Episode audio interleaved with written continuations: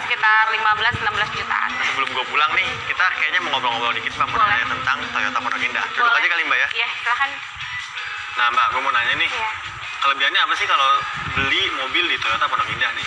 Ah, yang pasti tempatnya strategis sih. Terus juga di sini kan kita ada pernah jual kembalinya lagi. Jadi kalau misalnya mau eh, ibaratnya kita one stop untuk pembelian Toyota karena mau eh, beli di sini bisa servis di sini maupun body repair ada di Terus sini. Mbak, kalau penonton surprise tuh mau datang ke sini, di mana sih alamatnya Mbak? Oh, alamatnya kita di Jalan Sultan Iskandar Muda, nomor 1A, sampingnya Informa Pondok Indah.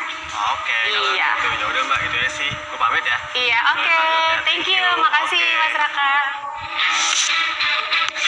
Sekarang gue sudah berada di Nissan Pondok Indah untuk melanjutkan misi kita yaitu mencari mobil di bawah harga 200 juta.